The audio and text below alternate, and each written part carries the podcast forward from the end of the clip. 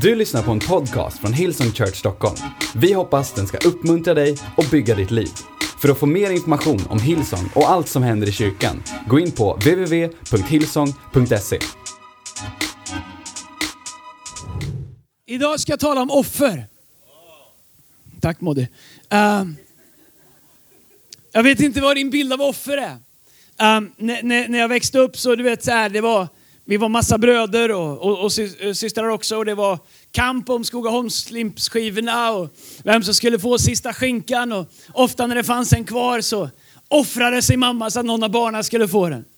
Lina berättade att hon har en pappa som ofta offrade sig. Äh, Du vet, så här, man, som man gör som förälder. Jag har två barn som jag skjutsat till skolan ofta.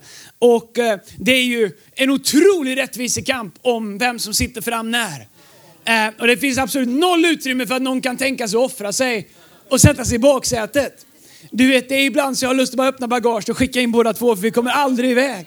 Du vet, de kan räkna bak i veckor vem som satt var när.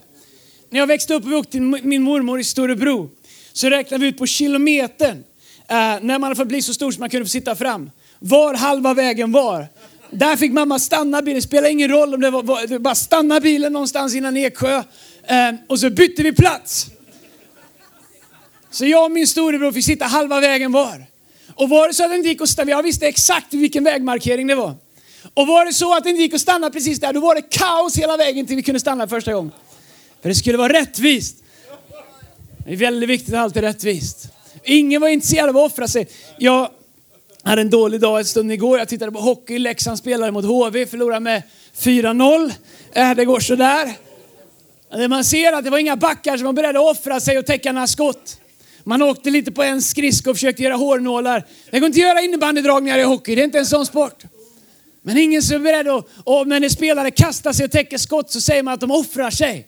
De offrar sin kropp, chansen att få en puck i 150 km i timmen på sin kropp för att det inte ska bli mål. Faktum är att Guds rike är, är fullt av offer.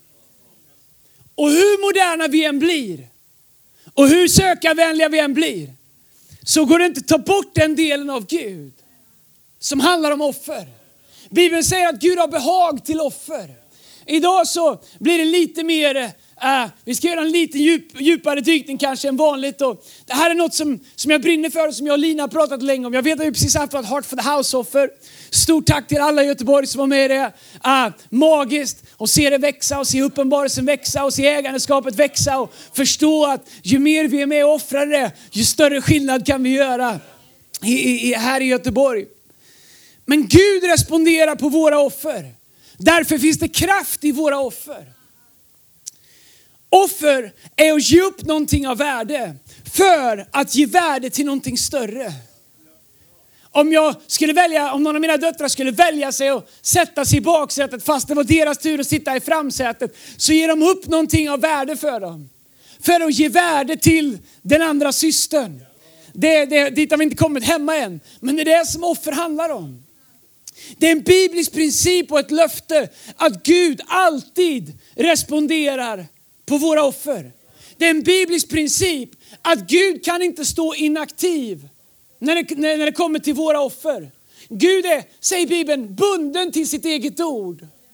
Alltså kommer Gud alltid äh, agera utifrån våra offer. Han kommer alltid möta dem, han kommer alltid belöna dem. Han kommer alltid göra det Guds ord säger. Så vad är det Guds ord säger om offer och vad är det för någonting som vi offrar? Jag vet att offer inte är ett 2019-ord när det handlar om att vi ska själv, självförverkliga oss själva, kan man säga det, förverkliga oss själva.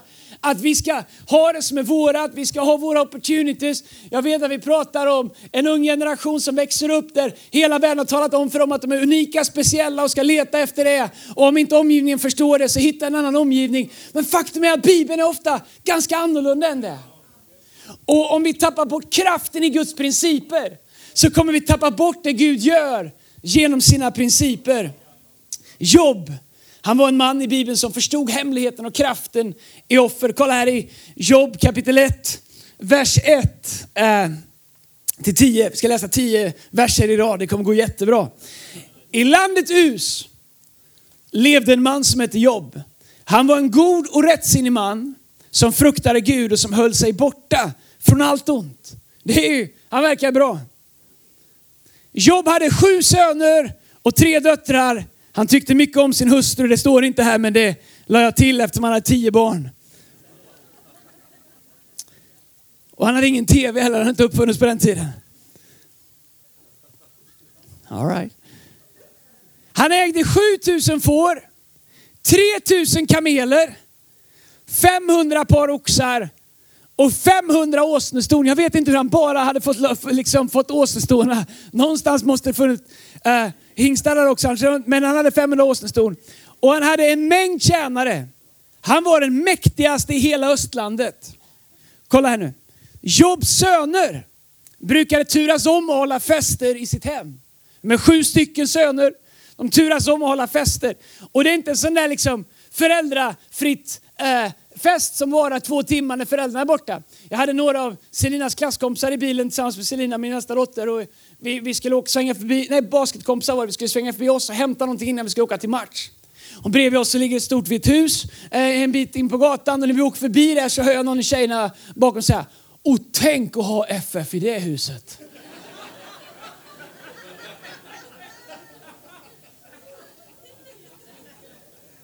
Fel bil att säga det Men han har sju söner i alla fall. Och de turas om och har fester i sitt hem. Och de inbjöd sina tre systrar och åt och drack tillsammans med dem. När en fest som kunde, när en fest som kunde vara i flera dagar var över samlade Jobb sina barn och renade dem. Tidigt på morgonen bar han fram ett brännoffer för var och en av dem. Jobb tänkte kanske mina barn har syndat och förbannat Gud i sina hjärtan. Så gjorde Jobb, Jobb varje gång. Det här var innan Jesus hade gett sitt liv på korset som det fullbordande offret för oss en gång för alla. Men innan han hade gjort det så offrade man till Gud. Uh, så gjorde jag varje, dag, varje gång. En dag när Guds söner kom fram inför Herren var anklagaren, Satan, tillsammans med dem. Varifrån kommer du? frågade Herren anklagaren. Från en färd runt jorden. Det är en annan predikan som vi kan ta en annan dag. Svarade denne. Gud säger, har du lagt märke till min tjänare jobb? Frågade Herren anklagaren. Det finns ingen annan som han på hela jorden. En god och rättsinnig man som fruktar Gud och inte vill ha med det onda att göra. Jobb fruktar väl inte Gud för ingenting, svarar anklagaren. Du har alltid skyddat honom, både honom, hans hus och hans tillhörigheter. Du har välsignat allt han gör och hans boskapsjordar breder ut sig över hela landet. När man studerar grundtexten så ser man att jobb började varje dag med att offra till Gud. Och när Gud säger kolla på jobb, säger han till anklagaren, till djävulen. Kolla vad god han är. Kolla vilket liv han lever. Säger, då säger djävulen, det är väl inte konstigt. Du välsignar ju allt han gör. Du är med han i allt. Du skyddar honom och håller din hand över honom. Men varför gjorde Gud det? Därför att jobb började varje morgon med att offra till Gud. Han började varje morgon med att ge till Gud. Med att skapa ett rätt perspektiv mellan sig själv och mellan Gud. Vi kan tänka att Jesus har dött för mig, nu är det bara grace. Well, nåden är att vi kan komma frimodigt inför Gud och offra till honom. Inte kossor och kameler och får längre. Men våran lovsång, våran tillbedjan, vårat tjänande, vårat sätt att välja Gud i våra liv. Guds principer är inte annorlunda i nya förbundet mot gamla förbundet. Och om vi tappar bort kraften i offer. Vi är en kyrka som säger vi bygger inte på några få människors stora talanger eller gåvor, utan på alla människors gemensamma uppoffringar. Jag har ibland märkt, en annan jag har märkt i vår kyrka, vi brukar säga When the cost is low, the wise low. Uh, så här, when the wise high, brr, från början. When the wise high, the cost is low. Alltså när vårt varför är högt så är prislappen låg. When our why is low, the cost is high. Samma, vi gör samma sak. Men när vi vet varför, när vi har vision med vårt liv, när vi har Guds tankar på vårt hjärta, när vi lever med, med, med uppenbarelse om varför vi är här, om vad Guds plan och Guds kallelse faktiskt med våra liv är, då är våra uppoffringar inte så stora. Men vi kan göra samma uppoffringar när vi har tappat bort visionen med varför vi gör det. Helt plötsligt samma uppoffringar jättestora. Helt plötsligt så är, så är liksom det vi gör, åh det är så mycket, åh det är så, det ska vara så mycket hjälp. Men egentligen har det bara att göra med att vi har tappat bort vårat why. Jobb, han har en vision, jobb, han har en bild av Gud. Där ingen tvingar honom att gå upp på morgonen och offra till Gud varje morgon. Han gör det för att han älskar Gud. Han gör det för att han har valt att sätta Gud först i sitt liv. Han gör det för att han har förstått Guds principer. Och djävulen säger, det är väl inte konstigt? Jobb fruktar väl inte Gud för ingenting? Du har ju välsignat allt han gör. Här är några exempel på hur Gud responderar på våra offer. Tre saker som våra offer till Gud ger oss. Nummer ett, du märker att Lina varit med för vi är redan inne i struktur. All right?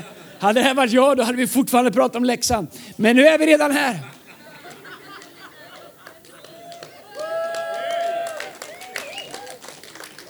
Jag är inte helt säker på hur jag ska tolka det men jag... Tre saker om hur Gud responderar på våra offer. Nummer ett med sin närvaro, med Guds närvaro och Guds uppmärksamhet.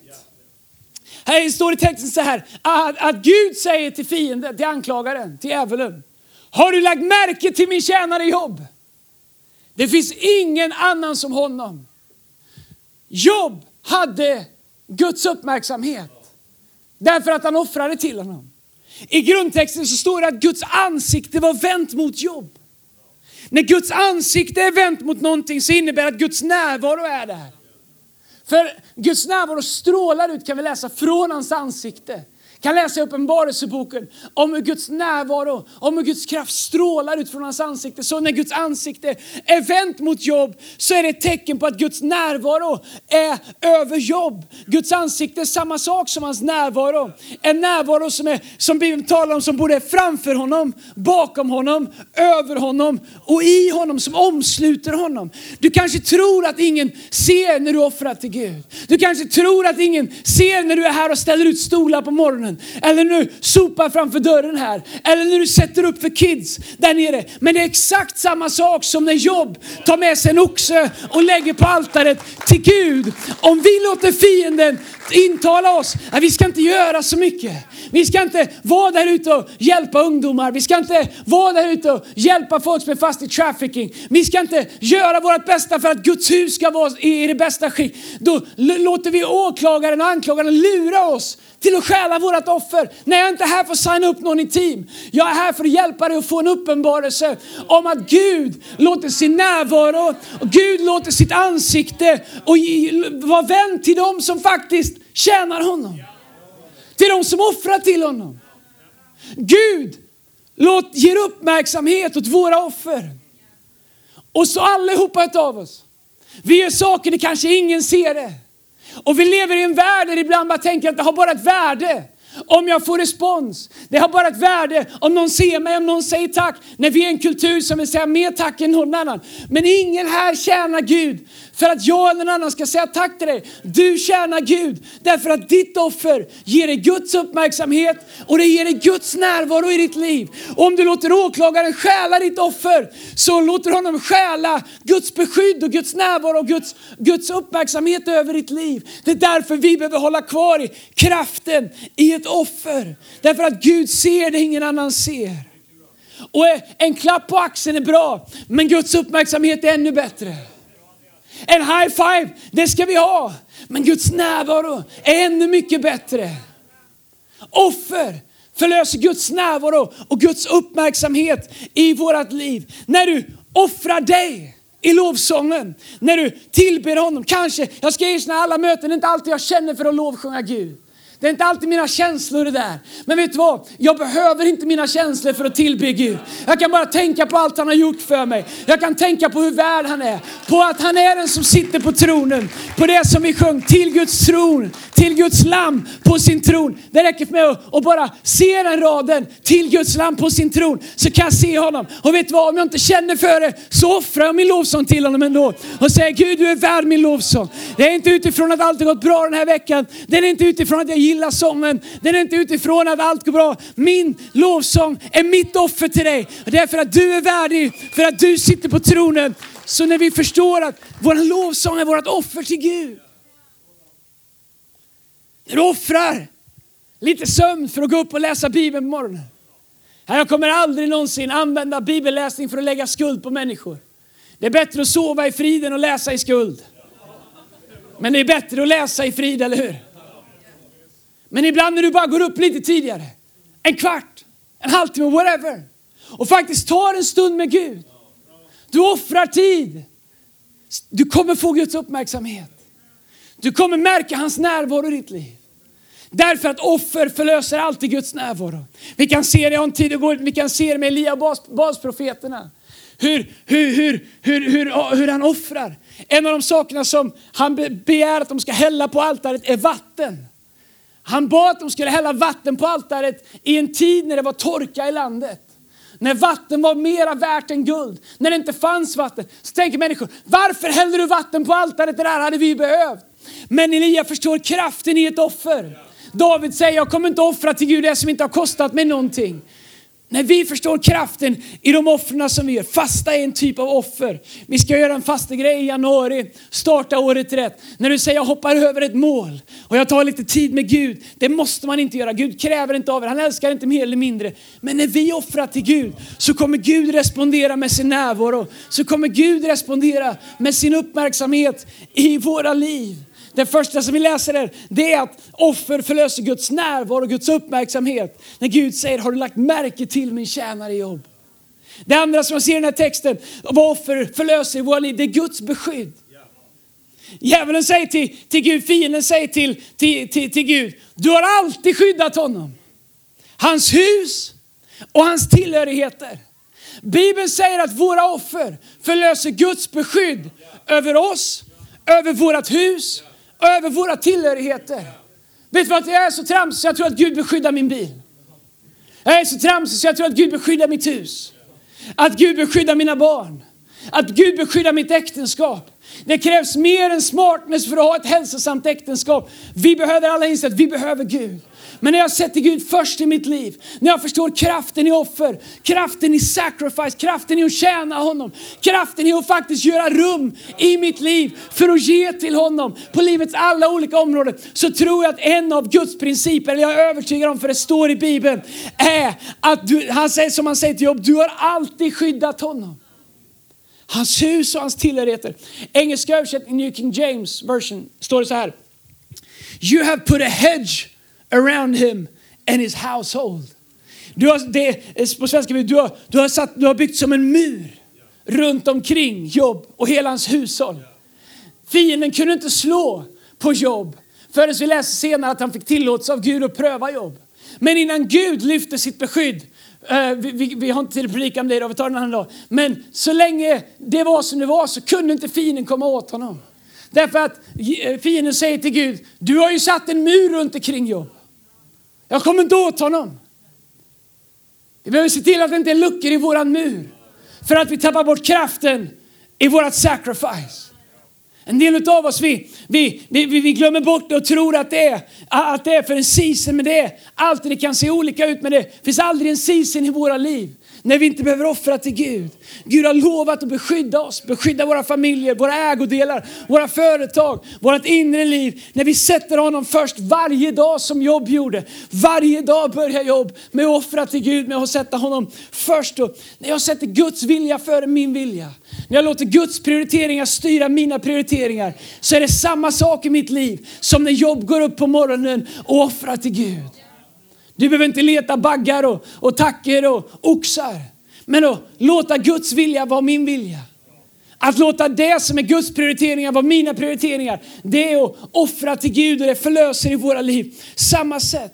Och vet du, jag tror att den här tjänande kulturen som vi har i vår kyrka. Jag vill att den ska växa men jag vill att vi ska förstå varför vi gör det. Att vi inte tappar bort den. Fienden skulle så gärna vilja att vi blev konsumenter som bara kommer.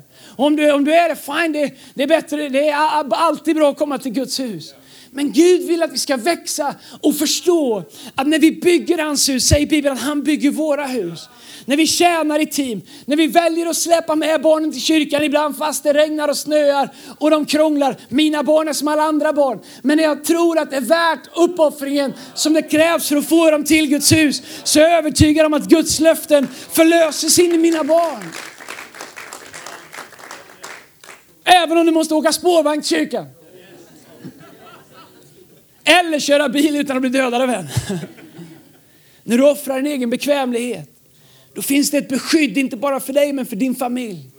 Så vi ser i texten om Jobb att ett offer förlöser Guds närvaro och Guds uppmärksamhet. Vi ser att ett offer förlöser Guds beskydd över våra liv. Det tredje som vi ser i texten är, är att det förlöser Guds välsignelse. Fienden säger om Jobb till Gud att du har välsignat allt han gör. Och hans boskapsjordar breder ut sig över hela landet. Så vi ser att det är en direkt koppling till våra uppoffringar och till Guds välsignelse. Till och med fienden kan se det. Till och med djävulen kan se det. Han säger till Gud, du, du är välsignad allt han gör. Han bara växer och växer och växer. Hans åsnefö, åsnehonor får föl fast du inte har några hingstar. Vad händer? Du välsignar allt han gör. Och fienden kan bara stå bak och titta på och se hur Guds hand är över Jobs liv. För att Jobb väljer att gå upp varje morgon och offra till Gud. Kraften i sacrifice. Sacrifice förlöser Guds välsignelse i ditt liv. Gud agerar alltid utifrån sina principer. Därför så kommer offer alltid leda till välsignelse. Ett offer är att ge, ge, ge något av värde för att ge värde till någonting annat. Vi kan välja att offra det vi har och sätta vår tilltro till Gud istället för det som vi har i vår hand. Och Gud kommer alltid respondera. Jag, vi har fått in så mycket vittnesbörd om Heart for the House och som redan sker i människors liv. Människor som bestämt sig för att vara med i Artful House. Jag tycker att det är en av de mest vackra sakerna varje år. Och se hur människor över hela vår kyrka börjar höra av sig och berätta vad Gud har gjort. Och om du ser Guds hand i ditt liv, snälla hör av dig, mejla oss eller ring eller prata med Rickard, en annan ledare. Så att vi kan inspirera varandra till det som Gud gör. Men lyssna här, här är några som hörde av sig eh, bara nu någon vecka efter. Då. Heart for the House, om du inte vet vad det är, det är vår årliga insamling. Ett Heart for the House-offer som vi har en gång om året vi hade det för några veckor sedan och vi får frågor nästan varje dag om det är för sent att vara med och det är det såklart inte utan du kan vara med hela vägen upp till årsskiftet om du vill vara med i Heart for the House. Men så här skrev några. Ehm, jag jobbade 80% på mitt jobb för att kunna volontära en dag i kyrkan i veckan. Och så ville vi bli gravida. Och jag tänkte att jag borde gå upp till 100% för att få en bättre mammapeng. I och med att man inte får så mycket. Vi dividerar om det men beslutar oss för att inte göra det. För jag ville bygga kyrkan. Så i Heart for the House gav vi en för oss stor summa eh, som vi kände att vi skulle ge. Och sa till Gud att du är våran försörjare. Vi vet att du tar hand om oss. Utan att förvänta oss stordåd tillbaks egentligen. Men en månad senare så har jag ett möte, eh, så har jag ett möte med min chef som sa du jobbar ju 80% när alla dina kollegor jobbar 100%. Men det märks inte att du jobbar mindre, för du gör ditt jobb så bra att jag vill ge dig en hundraprocentig tjänst, men att du fortfarande får vara ledig en dag i veckan. Och jag svarade, vadå? Jobba fyra dagar, men få betalt för fem. Och chefen sa, ja absolut, bara du stannar kvar här på jobbet. Guds välsignelse, hur Gud kan ta ett offer och göra någonting med det. Någon annan skrev så här, ett par som kände att de utmanades av Gud för att öka sin summa till Art for the House till något som för dem verkligen skulle kräva ett offer. De visste inte hur det skulle gå till men kände verkligen att Gud la i deras hjärta att öka summan. Veckan på efter de hade gjort det så fick de veta att de av misstag hade betalt dubbelt på en faktura och skulle få tillbaka exakt den summan som Gud hade lagt på deras hjärta att de skulle öka Heart for the House med. Förstår du, det finns en kraft i det som Gud gör. Och våra offer, jag säger inte att vi köper Guds välsignelse. Jag säger inte att det här är liksom som en Bingolotto till att få gå ner en dag i veckan på jobbet för att kunna sitta hemma och kolla på Netflix. Det är inte det jag säger. Jag säger bara att när vi agerar på Guds ord så är Gud bunden och villig och glad att producera det han har lovat i sitt ord. Och det, är- det Guds ord gäller dig lika mycket som det gäller mig eller någon annan. Och jag är övertygad om att vi ska se Guds mirakler i våra liv. Lydnad förlöser alltid Guds välsignelse. Lydnad är ett ord som inte är speciellt populärt. Vi lever i en tid där man absolut inte ska följa eller leda någon annan, eller följa eller lyda någon annan. Men vet du vad? Lydnad till Gud är det som får våra liv att fungera. När, när lärjungarna ville att Jesus skulle komma och göra si eller så sa han sorry jag kan inte, jag måste dra mig undan. Var ska du, vad ska du göra? Men han sa inte det.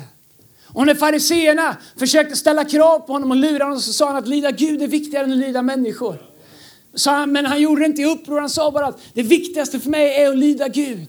Jag måste göra det Gud har sagt. När hans föräldrar undrade vart han var, varför han varit borta flera dagar, så sa han, men förstår ni inte att jag måste vara där min far är? När han har suttit i huset och lyssnat på de som kunde om texterna, lägga ut texterna hela dagarna. När vi sätter Gud först i vårt liv så kommer det börja producera det Gud har lovat i våra liv. Så vad är utmaningen med den här? Well, utmaningen är det här. Om jag hade varit fienden, om jag hade varit djävulen, vilket jag inte är, oavsett vad de, någon skriver på internet. finns tydligen något som heter väktare på muren, jag vet inte vad det är. Riv muren säger jag bara. Men eh, eh, om jag vore fienden, då skulle jag ju försöka stjäla ditt offer. Om det var så att det var offret som Jobb gjorde varje morgon, som gjorde att fienden sa att jag kan ju inte röra Jobb. Jag kan, du bara välsignar honom. Du bara håller din hand över honom. Till och med hans barn som inte lever för Gud kommer jag inte åt därför att hans far offrar för. Hela Jobs hushåll var välsignat fast hans barn hade fester som varade i dagar som inte alls var speciellt gudfruktiga. Men trots att Jobb offrade så fick de del av välsignelsen.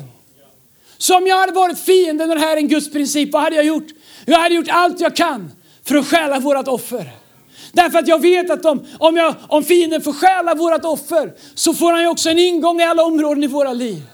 Det är därför vårt offer alltid är utmanat. Det är därför vi alltid känner oss utmanande. Det är därför det finns, han till och med använder människor, ibland till och med människor som menar väl men som inte förstår. Som säger, ja var inte med så mycket i team. Ja, gå inte på connect-gruppen varje gång. Ja, ska du verkligen ge dig tionde varje månad? Ska du verkligen förlåta dem? De förtjänar inte ditt förlåt.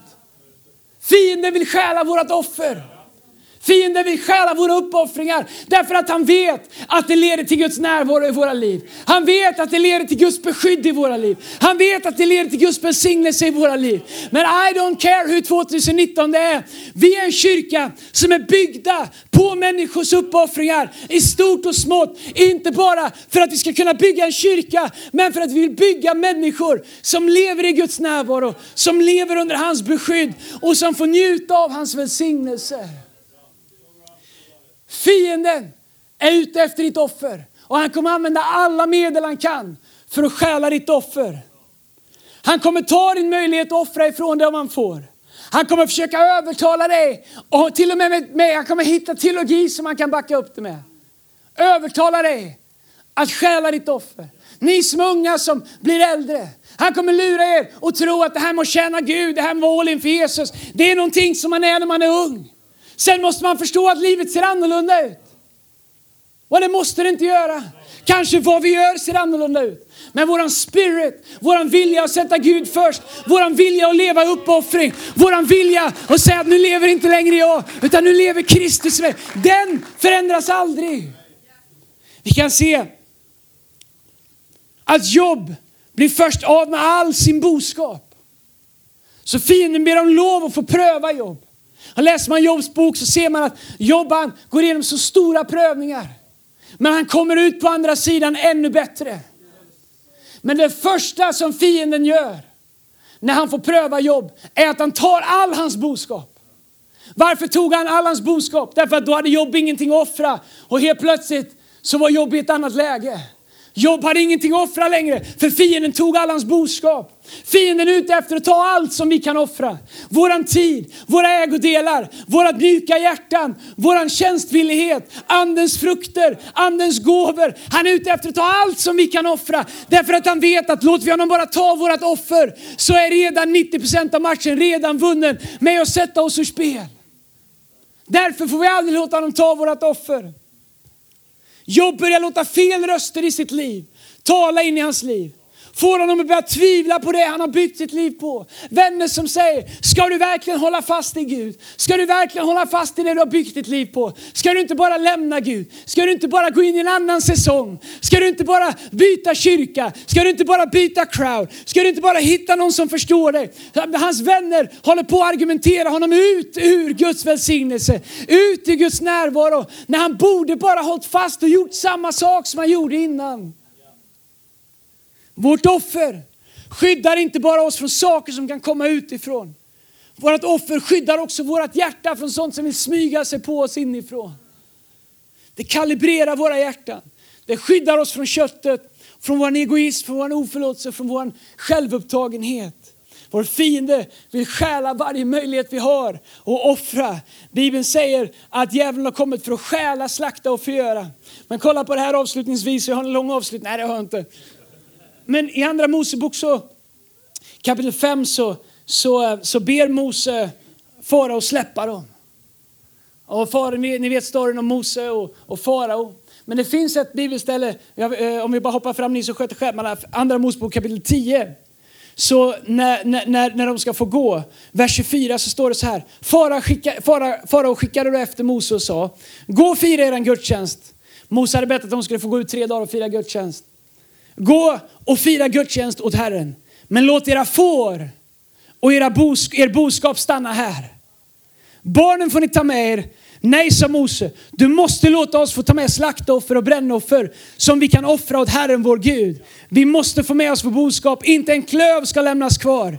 Vi måste offra av vår boskap åt Herren vår Gud och vi vet inte vad slags offer vi ska offra förrän vi är där. Så farao sa, ni kan gå men ni får inte ta med något ni kan offra. Se, fienden är smart.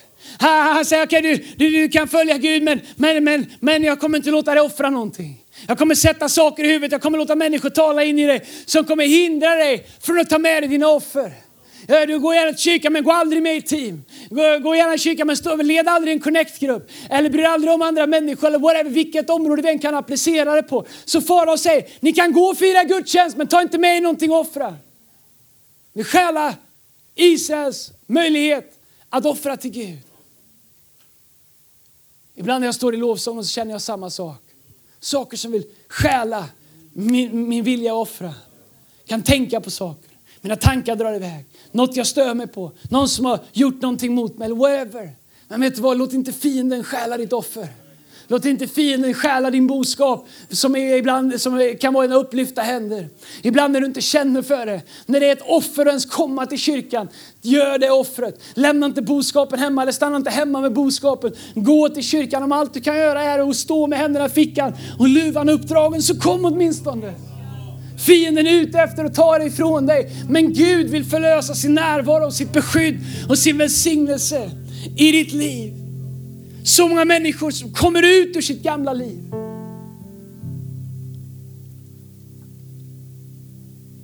Men dras in i det. Hade Israels folk gått ur Egypten men inte fått offra så hade de aldrig kunnat stanna i frihet. De hade aldrig någonsin kunnat bli det som skedde utan offer. De hade förmodligen gått tillbaks till Egypten. Ibland när vi får ett möte med Gud och vi säger Gud nu ska det bli annorlunda. Gud nu ska jag göra det här. Gud, nu ska det bli så här. Man ser nya människor som kommer till tro. De offrar sina grejer, de offrar gamla relationer, de offrar kanske droger, de offrar oförlåten, de offrar, men vi vill göra så mycket. Men sen så är vi som Israels folk som bara tycker att det var inte så dåligt i Egypten. Det var inte så kasst där, vi hade åtminstone bröd. Och ett tag senare så är vi inte villiga att göra det som var en självklarhet tidigare. Och vi låter fienden stjäla vårt offer. Till alla oss som varit kristna ett tag. Min bön är att det här ska vara en positiv och inspirerande påminnelse till oss. Om att inte låta fienden stjäla vårt offer. Om att inte låta fienden stjäla vår uppoffring till Gud. Många människor kommer ut ur sina liv och blir räddade ut ur det och in i sitt nya liv, men de förlorar sitt offer. De berövas på det som de en gång hade med Gud för att de slutar. Utan offer så händer något med våra hjärtan. När vi slutar offra, när vi, och jag pratar inte bara om, jag pratar om alla livets områden. Men när vi slutar leva med den mentaliteten så börjar våra hjärtan bli lite kallare. Våra hjärtan blir lite mer självupptagna. Vi har lite svårare att förlåta människor. Vi har lite svårare att stå ut med andra människors egenheter och ofärdigheter. Men det är någonting när vi kontinuerligt går inför Gud. När vi kontinuerligt offrar till Gud. När vi börjar se som han ser det. När vi börjar se saker med Guds ögon. När våra hjärtan är mjuka, när våra hjärtan är öppna. När vi tror det bästa och ser det bästa. Därför att vi, vi har offrat till Gud. Jobb han fördömde inte sina söner. Han gick inför Gud och gjorde allt han kunde. Han älskade dem. Han såg vad de gjorde men hans hjärta var mjukt för han var inför Gud. Låt inte saker komma åt ditt hjärta för att du har slutat offra till Gud. Hebreerbrevet kapitel 13, vers 15 står det så här. Så vill vi genom honom ständigt frambära lovsång som ett offer till Gud. En frukt från läppar som prisar hans namn. Men glöm inte att göra gott och dela med er. Sådana offer behagar Gud. Tre saker om offer, det finns fler men som författaren tar upp, våran lovsång att det är ett offer till Gud. Ibland när jag kommer upp här, och ni vet när jag kommer upp och kommer tillbaks ikväll, jag är så laddad för 18.00, vi ska, jag säger alltid att vi ska ha en Holy Ghost, men jag har bett om Guds närvaro ikväll. Och, och, och, och jag ska göra vad jag kan för att ha mitt offer färdigt för att Guds eld ska kunna falla. Men, men du vet, så här, ibland när, när jag kommer upp hit, och det kan vara en av de bästa och en ibland av de tjatigaste delarna av mötet. När jag kommer upp och säger, come on church, vi sjunger här en gång till, come on, lyft era händer hela hela vägen upp på läktaren. Så är det inte för att jag mår bättre om fler lovsjunger. I don't care, det kan jag göra hemma. Men jag vet att om jag kan få rummet, om jag kan få dig och mig att offra våran lovsång till Gud, så kommer Gud förlösa över dig allting. Och när vi är ett rum som offrar vår lovsång till Gud så blir vi ett altare som elden kan falla på. När vi bestämmer oss för att jag ska delta i det offer. Vi bygger inga altare med stenar längre. Vi lägger inga lamm på det längre. Vi lyfter våra händer. Men vi kan vara ett gemensamt altare till Gud. Inte minst förmiddagarna här. Där många av oss är här som har gått med Gud ett tag. Som kan förstå kraften när vi kommer tillsammans och säger idag är vi ett altare. Och jag ska vara med och lägga min sten. Jag ska sjunga till Gud. Inte för för att jag har haft en bra vecka men för att han är värd det. Han är lammet som sitter på sin tron i evighet och evighet. Han är den som regerar. Han är den som har all majestät. Han är den som har all makt. Han är den som var det första fullkomliga offret. Han var den som inte sparade sin egen son utan utgav sin egen son till att bli hela världens offerlamm som inte öppnade sin mun när de spikade honom på korset, när de offrade honom på en trästam, utan han gav sitt liv som ett kors. När vi lovsjunger, så vi får inte tappa bort det. Det får får inte bli någon kristen karaoke. Oh, come on. Det får inte bli att vi bara är på. Vi har möjlighet att göra till Gud. Vi har möjlighet att offra till Gud. Vi har möjlighet att connecta med lammet på sin tron. Vi har möjlighet att påminna våra hjärtan att om det inte hade varit för det lammet som offrades en gång så hade det inte funnits rening för min synd. Så hade det inte funnits hälsa att få. Då hade det inte funnits frihet från mina kedjor. Åh, oh, jag behöver ingen sång. Jag kan bara lovsjunga innan de ens kommer upp. De kommer inte upp än. Du kan börja lovsjunga i foajén. Kom, så bara, kom hit och bara säg, men jag är så redo att offra. Hälsa inte på mig, jag går och ställer mig här och lovsjunger tills det börjar. Därför att du vet vad Gud har gjort i ditt liv. Come on Hillsong Church! Vi är en tillbedjande kyrka för han är värd varje ord och varje andetag. Vi är ingen kristen karaokeklubb.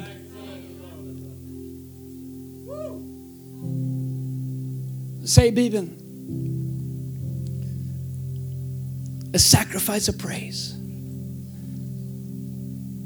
Ett offer är något som kostar. När jag är i öknen, när jag ändå lovsjunger. När jag känner för det, när jag inte känner för det. Jag har upptäckt att Gud ibland, när jag ber, letar efter ett offer. Så ofta verkar det som Gud leder mig till att ta vägen via offret. Offergången till Gud. Inte som att jag köper det, men som att Gud får någonting och jobba med som sätter hela hans, alla hans löften, alla hans principer i funktion. Romarbrevet 12.1 så står det därför uppmanar jag er nu syskon vid Guds barmhärtighet att ge era kroppar som ett levande och heligt offer till Gud. Till hans behag. Det ska vara eran andliga gudstjänst. Be teamet komma fram. Därför uppmanar jag nu syskon vid Guds barmhärtighet att ge era kroppar som ett heligt offer. Det är någonting med friköpta människor som frivilligt ger till Gud. Som frivilligt sätter Gud först. Som frivilligt ger honom ära. Tänk om vi skulle vara dem, vilket vi kan vara allihop. Där fienden säger honom kan jag inte röra. Han, har, han, han lever i, i ett offer. Henne kan jag inte, den familjen måste jag gå förbi. När man offrade lammet i Egypten och tog blodet och strök på dörrposten. Och dödens ängel sa, där kan jag inte gå in, de har offrat. Där kan jag inte gå in, blodet står emot mig där. Bibeln säger att djävulen går omkring som ett rytande lejon och letar efter vem han får uppsluka. Inte vem man kan, utan vem man får. Han kan inte ta vad han vill. Han har ingen rättighet i ditt liv. Han har ingen tillgång i ditt liv. Han har ingen rättighet i din familj. Han har, han, han har inga möjligheter till din hälsa, eller till din ekonomi eller till ditt företag. Men får han så tar han chansen. Men om vi bestämmer oss för att leva ett sacrifice of praise, leva ett offer till Gud, leva ett liv där vi, där vi ger honom våran tid, där vi ger honom våran uppmärksamhet, där vi ger honom förlåtelse till andra människor, där vi ger honom allt som han är värd. Och säger, säg vad ni vill om mig, jag går och offrar. Åh, ni får prata om hur mycket vill, jag hör inte ändå för jag har fullt upp med att offra till Gud. Och jag vet inte, jag kan inte komma på det. Därför att jag kommer alltid tidigare till Guds hus. Det är mitt offer till Herren, att jag är med och tjänar.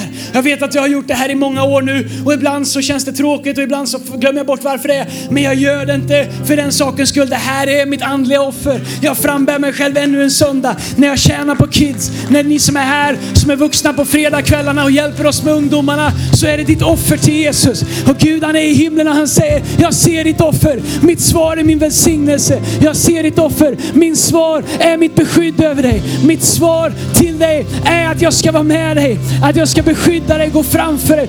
Come on Hillsong Church, ska vi bygga en kyrka som förvandlar en nation. Så är det inte genom någon människas styrka eller kraft. Utan genom hans ande. Genom att hans närvaro, hans kraft, hans härlighet, hans Shekinah glory får fylla oss inifrån och ut.